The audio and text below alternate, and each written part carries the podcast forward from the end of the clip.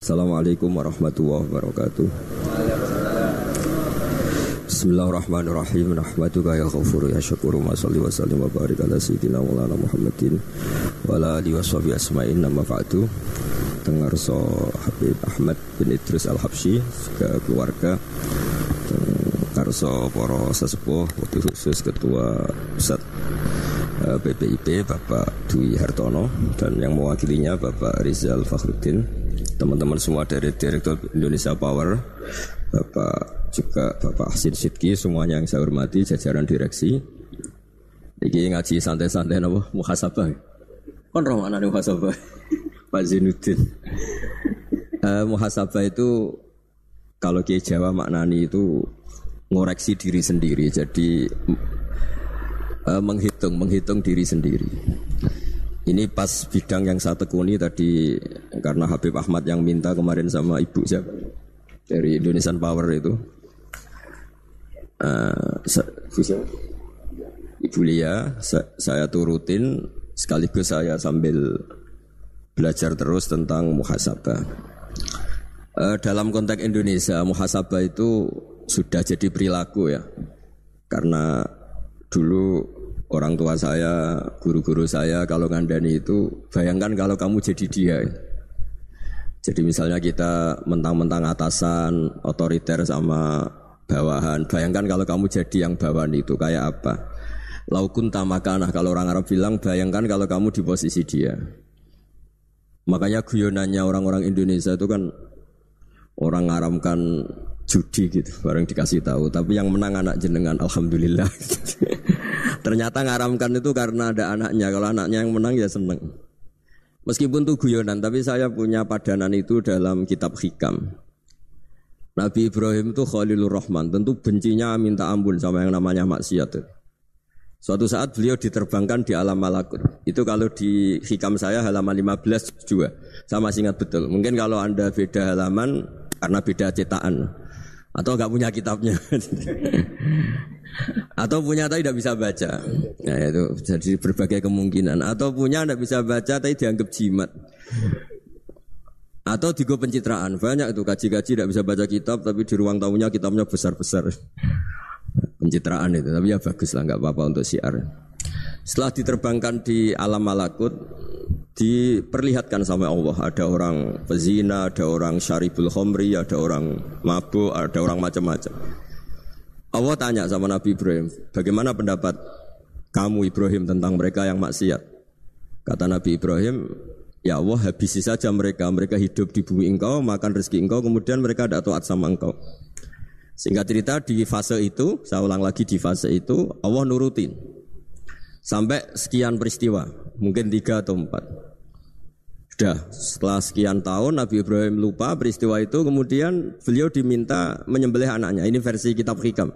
Memang versinya banyak tentang kenapa Nabi Ibrahim disuruh menyembelih anaknya.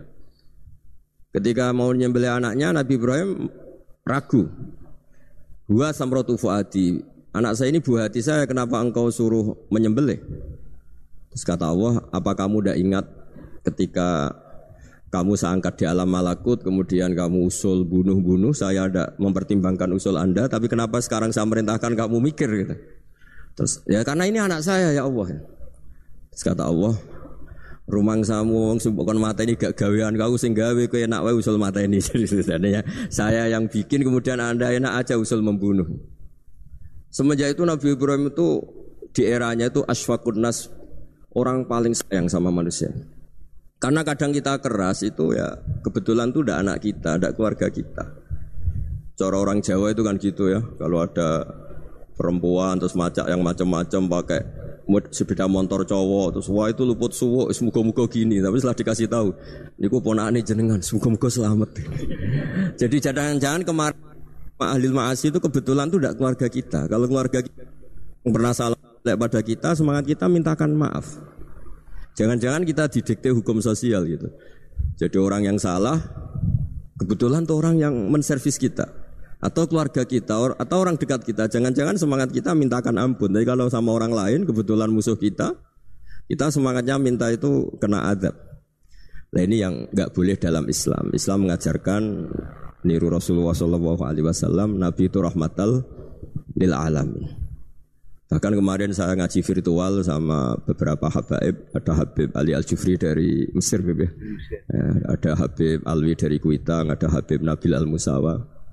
Dari sekian habaib itu saya masih ingat di antaranya yang didawuhkan rahmatan lil alamin itu ketika Nabi adahu kaumuh disakiti oleh kaumnya dan itu mereka masih kafir semua. Itu mereka dapat doanya Nabi Allah mahdi qaumi fa innahum la ya'lamun. Kayak apa baiknya Nabi orang yang menyakiti, yang melukai, yang tapi Nabi masih berdoa Allah mahdi qaumi fa innahum la ya'lamun. Sayyidina Umar dapat doanya Nabi itu yakhina kana kafiran ketika masih kafir didoakan. Allahumma aizal Islam bi Umar. Itu ketika masih kafir. Itu pelajaran bagi kita bahwa yang sedang tidak cocok pun itu berdapat doa kita. Ya ya doa supaya kondisi kita baik hari tambah baik. Karena agama ini saya berkali-kali bilang limangka nayar juwa hawal yomal akhir. Agama ini diperuntukkan bagi yang selalu punya harapan pada Allah Subhanahu wa taala. Saya cerita muhasabah ini tentang hubungan kita dengan Allah. Di Indonesia itu banyak orang fasik, banyak orang nakal. Ya di mana-mana orang nakal itu ya mayoritas wa aksaruhum fasikun. Tapi berkahnya harapan Mungkin saya kira nakal sok benda, mungkin saya kira sholat sok ben sholat, mungkin sekarang belum sahok, belum dermawan suatu saat dermawan. Barokahnya itu kefasikan ini dianggap sementara sedang fasek, sedang tidak benar karena kiai-kiai kita, para guru-guru kita, para habaib utamanya itu mesti bilang semoga husnul khotimah. Nah barokahnya doa itu semoga husnul khotimah itu menjadikan satu pola sosial yang sedang fasik ini masih diharapkan jadi lebih baik, jadi lebih sehingga kita tidak ngambil sikap ekstrim yang ingin menghabisi atau ingin mengadili tidak karena selalu kita punya harapan punya harapan. Dan agama ini limangkan erjuwo hawal akhir. Bayangkan itu kalau yang nakal itu anak kamu. Pasti kamu nggak ingin kan langsung dapat azab dapat apa.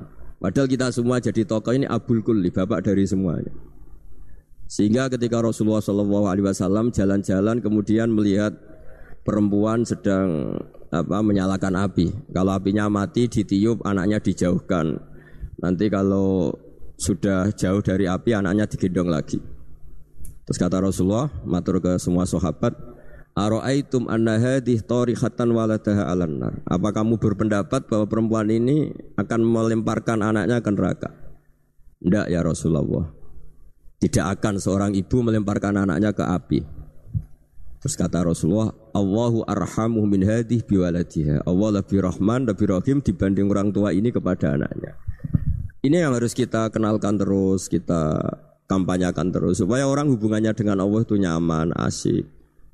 Sehingga dengan demikian selalu ada harapan bahwa yang sedang nakal ini suatu saat tobat. Kita tidak boleh menghukumi pasti begini, pasti gini itu tidak wilayah kita. Itu juga yang dicontohkan Rasulullah Shallallahu Alaihi Wasallam.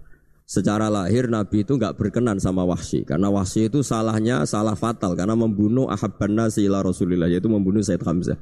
Jadi ketika Wahsy tobat, Nabi itu terima tobatnya. Dan ketika beliau dengan basariahnya agak siap ketemu Wahsy karena harus ingat Said Hamzah, basariahnya diturutin. Oke kamu iman saya turutin tapi jangan sering ketemu saya. Karena kalau ketemu kamu saya masih ingat sama paman saya Said Hamzah. Kita bisa ngelola seperti itu. Kita tidak cocok sama orang, bagaimanapun mereka umat Rasulullah SAW, kita tetap mencintai mereka. Misalnya kalau beda agama, mereka sama-sama orang Indonesia, kita mencintai mereka atas nama warga Indonesia. Tapi kalau misalnya potongannya ura cocok, beda kultur, bawaannya itu mangkel no Jawa, ya bisa di nih, jarang jangan ketemu.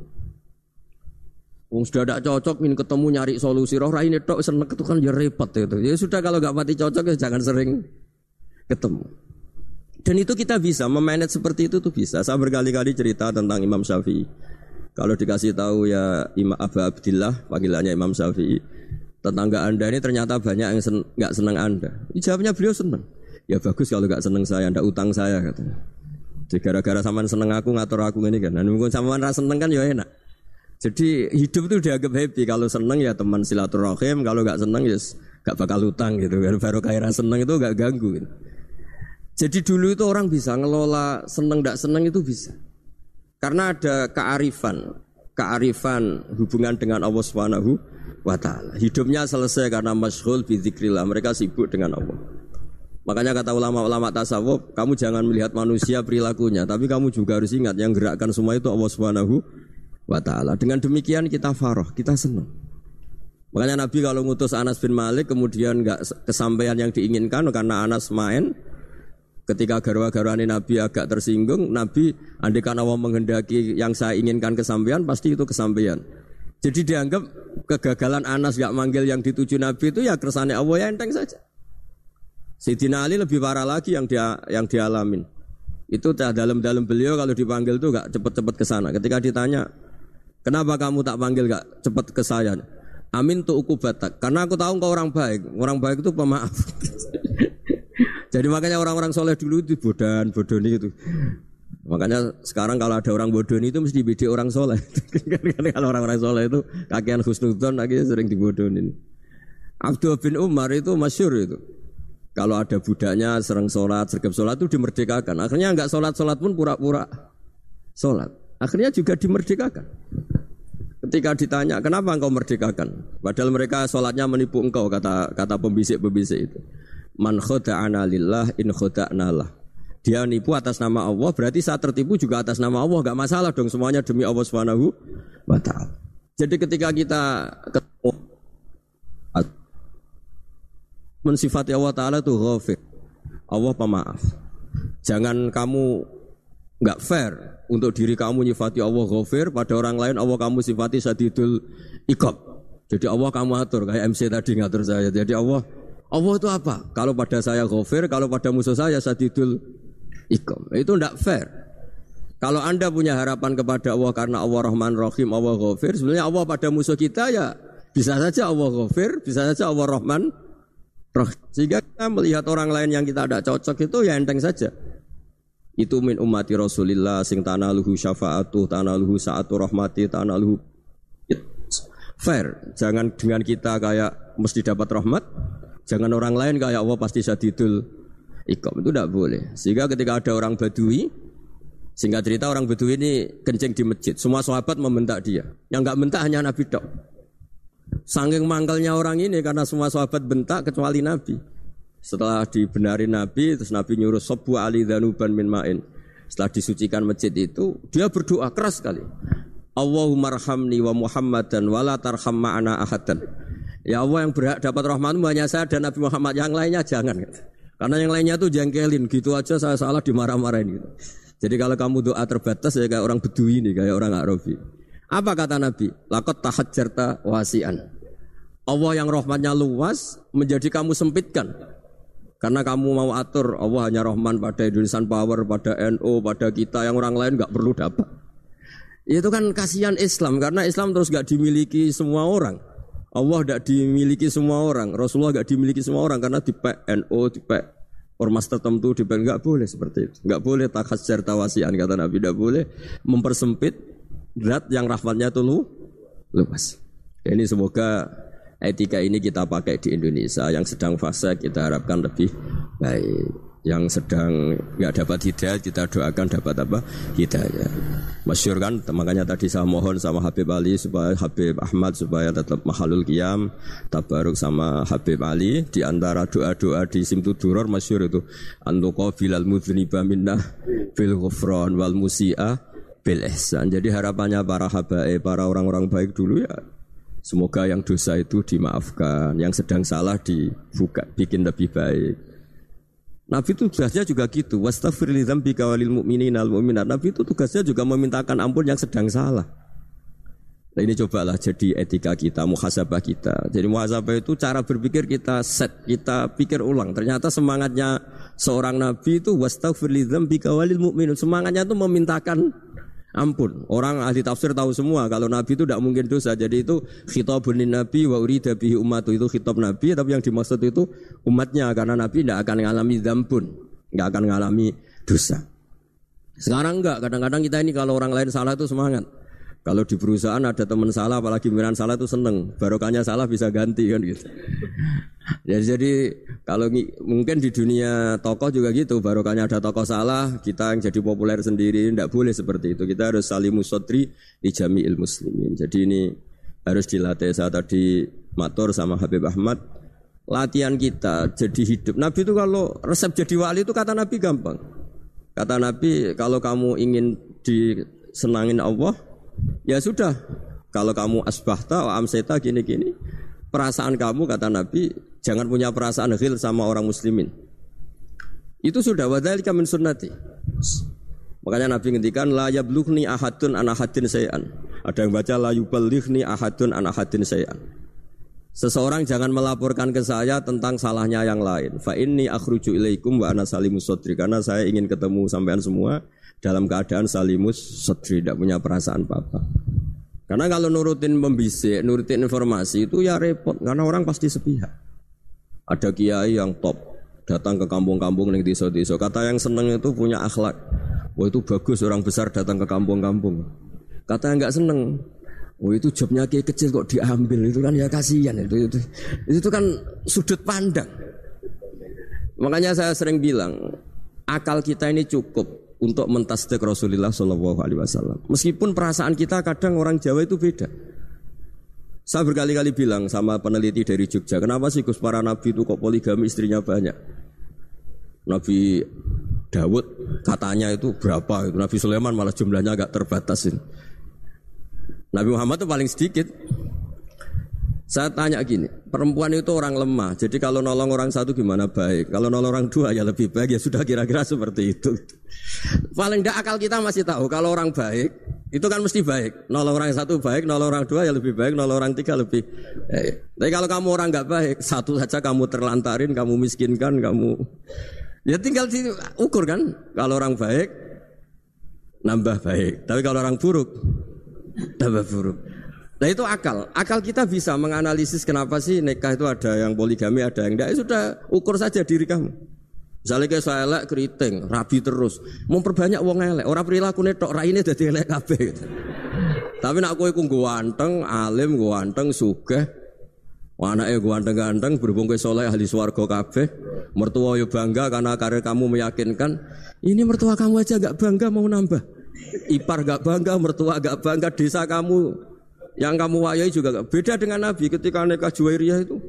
Itu gak ada pernikahan sebarokah Nabi dengan Juwairiyah itu Asharu Rasulillah di situ habis perang banyak tawanan gara-gara jadi bisanya Nabi langsung dibebaskan semua karena Asharu Rasulillah sekarang bisanya kanjeng Nabi. Dulu Abu Sofyan mangkalnya bukan main sama Nabi. Gara-gara putrinya dinikah terus langsung jadi.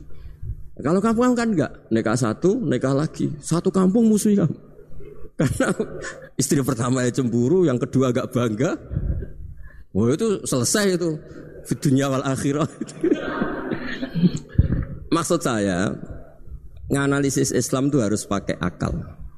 Dan akal yang dipakai, ini saya bawa ke kitab Ihya adalah pikiran-pikiran para ulama. Makanya ketika Imam Ghazali ketika ditanya, "Fakaifa bi muslimin fasikin?" Asawaha fi jami'i amri. Kalau kalian ketemu orang fasik, orang Islam tapi fasik, perilakunya enggak ada yang benar. Kata Imam Ghazali jawabnya lucu, aneh. Mamin muslimin illa wa islamuhu to'ah. Tidak ada orang Islam kecuali dia mau Islam. Membenarkan Allah dan Rasul itu sudah to'atnya dia. Kok kamu tidak bisa melihat to'atnya dia? Dia pikirannya kan ini pemabuk, ini tukang apa. Tapi kata Imam Muzali, sebenarnya kamu masih bisa berpikir positif. Mamin muslimin illa wa islamuhu to'ah. Tidak ada seseorang Islam ketika dia milik Islam itu pasti ada to'atnya, yaitu tasdek pada Allah dan tasdek kepada Rasulullah Shallallahu Alaihi Wasallam. Jadi dengan pola seperti itu, maka di antara guru-guru kita yang modern ya di era Mbah Maimun di sini ada Habib Ahmad. Habib Salim syair yang sering dibaca beliau adalah ada orang munajat sama Allah ini cerita munajat. Itu orang itu ngendikan gini. Ana musnibun, ana mukhtiun, ana asi. Huwa rahimun, huwa ghafirun, huwa afi. Ya Allah, saya mukhti, saya orang yang salah. Ana musnib, saya orang yang dosa. Ana asin, saya sering maksiat. Tapi engkau ya Allah, engkau ghafir, pemaaf. Engkau rahim, maha pengasih. Engkau afin, yang mudah memaafkan. Terus kata orang ini ya agak kurang ajar tapi saking senengnya sama Allah. Qobal tuhunna salah satan bisalah sati. Ya gini saja ya Allah. Sifat engkau diadu dengan sifat saya. Engkau Tuhan Gusti nggak boleh kalah katanya. Terus wasatah liban ausofu ausofi dan kau pasti pemenangnya gitu. Jadi ada orang rayu Allah dengan cara seperti itu ya ada ya. Saya ini manusia salah saya banyak. Engkau ampunannya banyak. Engkau Tuhan Gusti nggak boleh ampunan Anda, ampunan engkau kalah dengan salah saya. Gak boleh Tuhan kok kalah. Jadi untuk supaya orang punya harapan gitu. Banyak juga wali-wali yang jadab ketika datang ke makam Rasulullah Shallallahu Alaihi Wasallam. Itu kalau dungo ya agak agak kacau sebetulnya cara syariat agak kacau. Ya Allah, engkau punya dua pilihan. Jika engkau menjadikan saya soleh, surah habibu, yang senang kekasihmu, yaitu Rasulullah Shallallahu Alaihi Wasallam. Tapi jika engkau menjadikan saya fasik, surah adubu, yang senang itu setan. Monggo jenengan mau menyenangkan kekasih jenengan, mau menyenangkan musuh jenengan, monggo. Jenengan bebas kok memilih. nah, mestinya Allah ya senang menyenangkan kekasihnya. Jadi ya, intinya Allah dipaksa untuk menjadikan dia orang soleh gitu. Jadi ya, kemarin itu Pak Bu siapa yang ke sini itu yang, yang sama jenengan kuliah ke sini itu sama Habib Ahmad. Saya pertama nggak mau, lama-lama Habib Ahmad.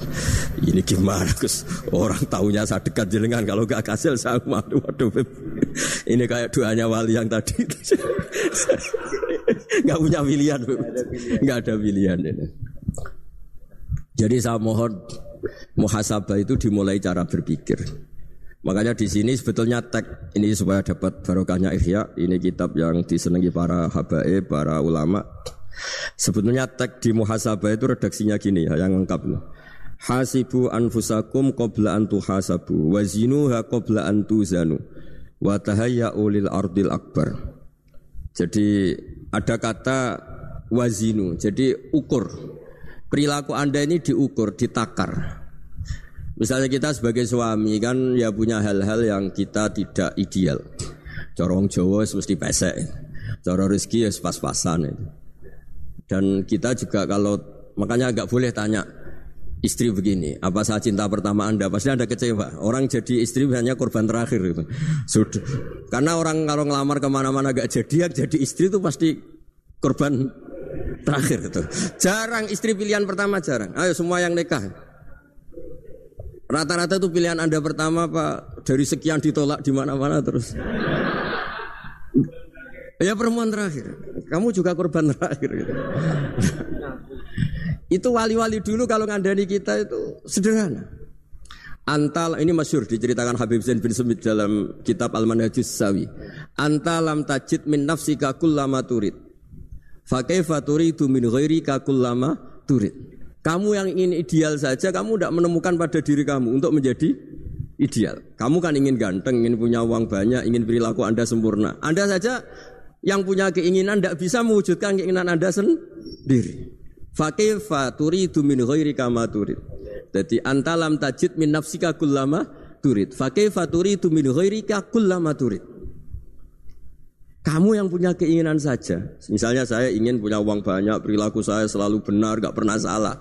Loh, saya yang ingin saja dengan diri saya, gak bisa untuk benar terus. Kok kamu berharap orang lain selalu benar? Jadi antalam tajid ya sama. Kalau kamu menuntut istri kamu itu ramah, neriman, apa kamu neriman sama wajah istri anda gitu? Engkau ya pola neng dinti jajaki sana jajaki, sini kamu sendiri tidak kona apa? Jadi itu nasihat yang luar biasa. Antalam tajid min nafsika kullama turid, fa kaifa turidu min ghairika kullama turid. Kamu mau menghormati semua orang, tidak mau kan? Kemudian Anda berharap semua orang menghormati kamu. Kamu tidak ingin kan orang lain semua menghujat kamu. Sementara kamu enak aja menghujat orang lain. Makanya Rasulullah SAW luar biasa ketika bikin kaidah sosial apa la yu'minu ahadukum hatta yuhibba li akhi ma yuhibbu nawa li nafsi. Jadi kalau ukuran iman itu sederhana. Kalau sesuatu itu baik, nyaman bagi Anda ya, ya bayangkan itu pada teman Anda. Misalnya Anda bangun tidur, bangun tidur sudah acak-acakan, nggak punya uang, utang jatuh tempo, kan nggak ingin ketemu orang. Ya kamu jangan bertamu ke jenis ini karena karena dengan kamu yang alami juga nggak siap ketemu orang. Makanya ada Habib Alim itu dilapuri sama seseorang. Beb, dulu teman saya itu ketika saya kaya itu sering main ke saya. Setelah saya miskin, mereka tidak main ke saya. Kata Habib itu, bagus itu bagus. Sunnah begitu itu bagus. Coba kalau kamu dulu kaya, teman kamu main kan kamu gaya. Di rumah ada makanan, bisa hormat tamu. Setelah kamu miskin jadi buruh manol di pasar atau buruh bikin boto, teman kamu datang, malu enggak kamu?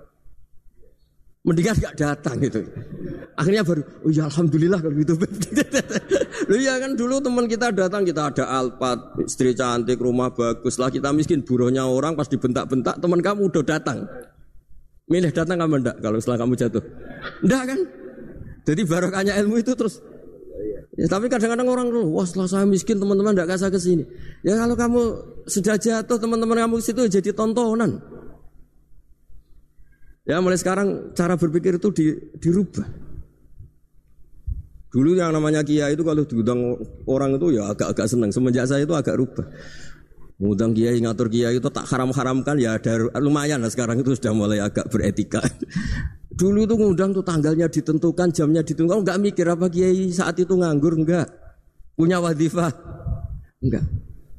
Dia milih tanggal yang dia nganggur, enggak mikir pas itu kiainya nganggur apa. Enggak.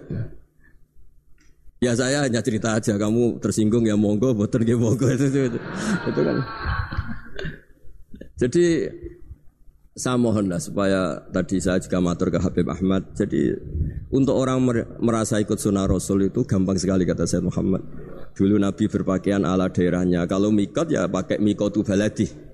Karena Nabi orang Medina dan beliau berdomisili di Medina ya misalnya mikotnya dari Bir Ali misalnya. Tapi kalau anda orang kawasan Tanim mau umroh ya dari Tanim. Misalnya kawasan Jirona ya dari Jirona. Artinya apa? Kamu ngambil mikot karena Nabi mikot misalnya dari Bir Ali, Bukan berarti kamu harus seperti Nabi di Bir Ali, kamu orang Mekah, misalnya kamu orang Tanim, orang ya harus dari Mikotu apa? Baladi. Sama, makanya di fakir-fakir itu kalau teknik anak, Nabi orang Arab, halawiyatnya kurma ya kurma. Kalau orang Jawa degan, semua bodoh-bodoh. Ya, bodoh-bodoh manis. Jadi ini tabaruk sama Said Muhammad, ini ada murid beliau, Habib Ahmad, sahabat Supaya orang itu merasa ikut Nabi itu gampang sekali. Ini saya baca di halaman tadi disaksikan Habib Ahmad 433 di kitab apa apa ini? Manhajus Salaf fi Fahmin Nusus. Itu kata Sayyid Muhammad wa kanat sunnatu Rasulillah annahu yat'amu ma yajiduhu fi ardi wa yalbasu ma yajidu wa yarkabu ma yajidu mimma abahu wa ta'ala. Faman istamala ma yajidu fi ardi fa al-muttabi' lis sunnah. Kama anau hajjal beta min madinati. Faman hajjal beta min madinati nafsi fa al-muttabi' lis sunnah. Wa ilam takun hadhil madinatu tilka.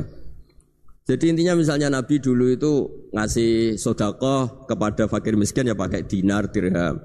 Ya kalau orang misalnya sodakoh pakai rupiah ya sudah ikut sunnah Nabi. Jangan, lu Nabi pakai dinar loh, kamu kok pakai rupiah. Dulu dinarnya Nabi udah ada tulisannya Bank Indonesia, kamu ada tulisannya Bank. Ya tidak ada seperti itu. Ya jadi misalnya Nabi sodakoh pakai tamer atau pakai al-akid, ya kita pakai beras, pakai apa. Supaya orang tuh bahwa Rasulullah itu milik kafatal linnas, milik semuanya. Sehingga merasa ikut sunnah Nabi itu ya semuanya. Makanya dulu Mbah Mun kalau motivasi saya supaya bombong, kalau orang Jawa bilang bombong. Wong Jawa mesti ono wong alim. Beliau menyontohkan Mas itu Mbah Fadol, Senori, Mbah Ihsan Jambes. Itu bisa ngarang-ngarang kitab luar biasa. Padahal beliau bukan orang Arab. Imam Sibawa itu orang Persia. Imam Ghazali orang Tos itu juga ikut Persia. Kata Imam Mun, Wong sing ora Arab lah mesti untuk jatah alim kata beliau karena Nabi itu diutus ke fatal linnas. Nanti kalau orang yang alim itu Arab tok berarti tidak ada perwakilan dari Afrika, dari Asia Tenggara, dari mana-mana. Makanya karena Nabi statusnya itu kafatal linnas. Jadi kita harus bangga sebagai Muslim, sebagai orang Indonesia karena misalnya Wali Kutub dulu terkenalnya hanya ada di Yaman, di mana Ternyata pernah ada juga di Indonesia dan seperti Habib Abu Bakar Segaf Gresik. Jadi ya ya artinya kan tetap orang Indonesia meskipun beliau zuriya Rasul kan ya sudah orang apa? Orang Indonesia. Zurianya Habib Ali Simtuduror sekarang di Solo. Jadi jadi Indonesia juga dapat alawin banyak dari Sadatin al alawin juga banyak. Jadi saya mohon barokahnya ngaji seperti ini Melihat orang lain tuh gampang bayangkan tuh kalau anak kamu. Makanya Nabi nanti kalau nggak percaya lihat di Hikam nomor 15 di kitab saya itu. Di situ dijelaskan oleh Hikam, jangan-jangan semangat Anda pada orang yang maksiat, pada orang yang keliru supaya dihukum itu karena kebetulan itu udah anak Anda, itu udah keluarga Anda. Coba kalau itu keluarga Anda. Makanya kalau saya guyonan di Jogja itu ada pembantu mecahkan piring terus dimarahi majikannya. Saya mesti guyon gitu. Pasti itu pembantunya tidak cantik. Kok bisa Gus? Andekan cantik dan kamu senang mecahno piring satu, piring sewu ora iso ngamuk Ternyata ngamuknya itu karena mecahkan piring apa karena plus tidak cantik? Coba jawab para lelaki ini. kamu marah sama orang maksiat tuh karena maksiat karena plus itu udah anak Anda. Bayangkan kalau itu anak Anda. Itu hebatnya Rasulullah SAW karena kita yang salah pun kadung umatnya, Nabi tetap ngasih fasilitas syafaati li ahlil kabair min ummati. Kayak apa baiknya Nabi? Tidak ikut maksiat tapi ikut fasilitasi ngasih syafaat. Lo kalau li ahli ibadah kan wajar. Nabi ketika ini syafaati li min ummati. Ya karena tadi logika yang dibangun Rasulullah itu logika yang luar Yes. Kita semangat orang lain kena hukuman itu karena kita tidak punya rofah, tidak punya rohmah. Coba kalau Rasulullah yang bil mukminina raufur rahim, semangatnya itu mendoakan supaya tobat, mendoakan diampuni. Dan itu juga yang diperintahkan oleh Allah Subhanahu wa taala, wastaghfir li dzambika walil mu'minina wal mu'minat. Ya semoga barokahnya ngaji ini, barokahnya Habib Ahmad, barokahnya Maulid Simtud Duror, barokahnya semua kitab madaih di berjanji semuanya, barokahnya Ikhya, barokahnya Said Muhammad, barokahnya guru kita semua, Mbah Maimun, bapak saya, kita ini ngikuti manhaj, ya, ngikuti apa? Manhaj. Saya sering didawi Mbah Mun, kenapa ihdinas siratal mustaqim bukan sirotoka? Bukan jalan engkau ya Allah. Karena Allah itu nggak bisa kamu tiru. Allah itu tidak tidur, tidak makan, tidak kesel, tidak capek. Yang bisa ditiru itu siratal ladzina an'amta alaihim. Yang bisa ditiru manusia ya niru manusia. Karena Allah itu tidak bisa di tiru makanya ihdinas siratal mustaqim siratal ladzina dan niru siapa niru guru-guru kita termasuk niru cara pandang jadi misalnya ada orang awam di rumah itu hanya delok reng delok tikus liwat itu kan kayak nganggur kok rata tahajud malah mendelok reng melihatnya jangan gitu Gua tarokal ma'asiyah. Dia di rumahnya tidak dugem, tidak ke mana-mana. Dia berarti malam itu tarkul ma'asi. Tidak nyopet, tidak garong, tidak ke tempat maksiat. Susahnya apa sih husnudzon? Jadi jangan lihat huwa tarkut tahajud, huwa tarokat tahajud, wa taroka kiamal lel. Oke ya, namanya orang begitu ya tidak tahajud, tidak kiamal lel. Tapi susahnya apa sih kamu bilang huwa tarokal ma'asiyah? Dia juga meninggalkan maksiyah dan tarkul maksiat itu tuh ibadah. Supaya orang tuh gampang lah husnudzon sama orang muslim. Ini orang mukmin orang yang luar biasa. Di mata Allah itu orang yang luar biasa. Kayak tadi Imam Muzali, kalau saya ketemu orang Muslim kemudian dia tidak pernah baik, gimana? Kata Imam Muzali, mami muslimin illa wa islamuhu. Tidak ada orang Islam ketika dia mentasdekan Allah dan Rasulullah, berarti dia juga punya to'at. Ya ini latihan saja, sing iso nglakoni Habib Ahmad kula namung cerita mawon.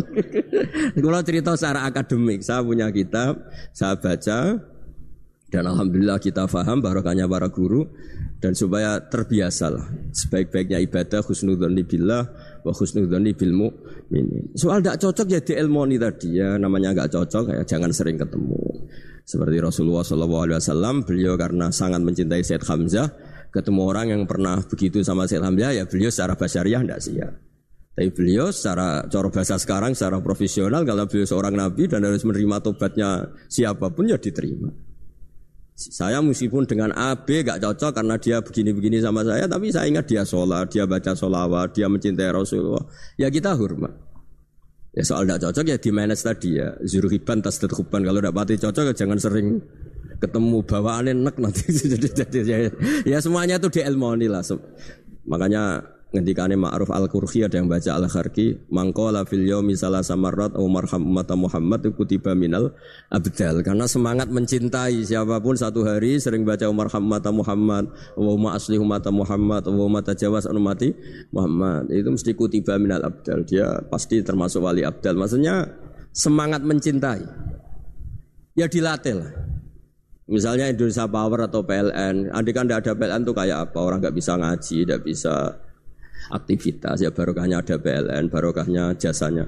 Kita sadar tidak semua kebaikan kita ini memenuhi keinginan orang banyak. Orang banyak ingin listrik ingin saluran apa. Dan itu kadang yang mewujudkan orang lain atau kelompok lain.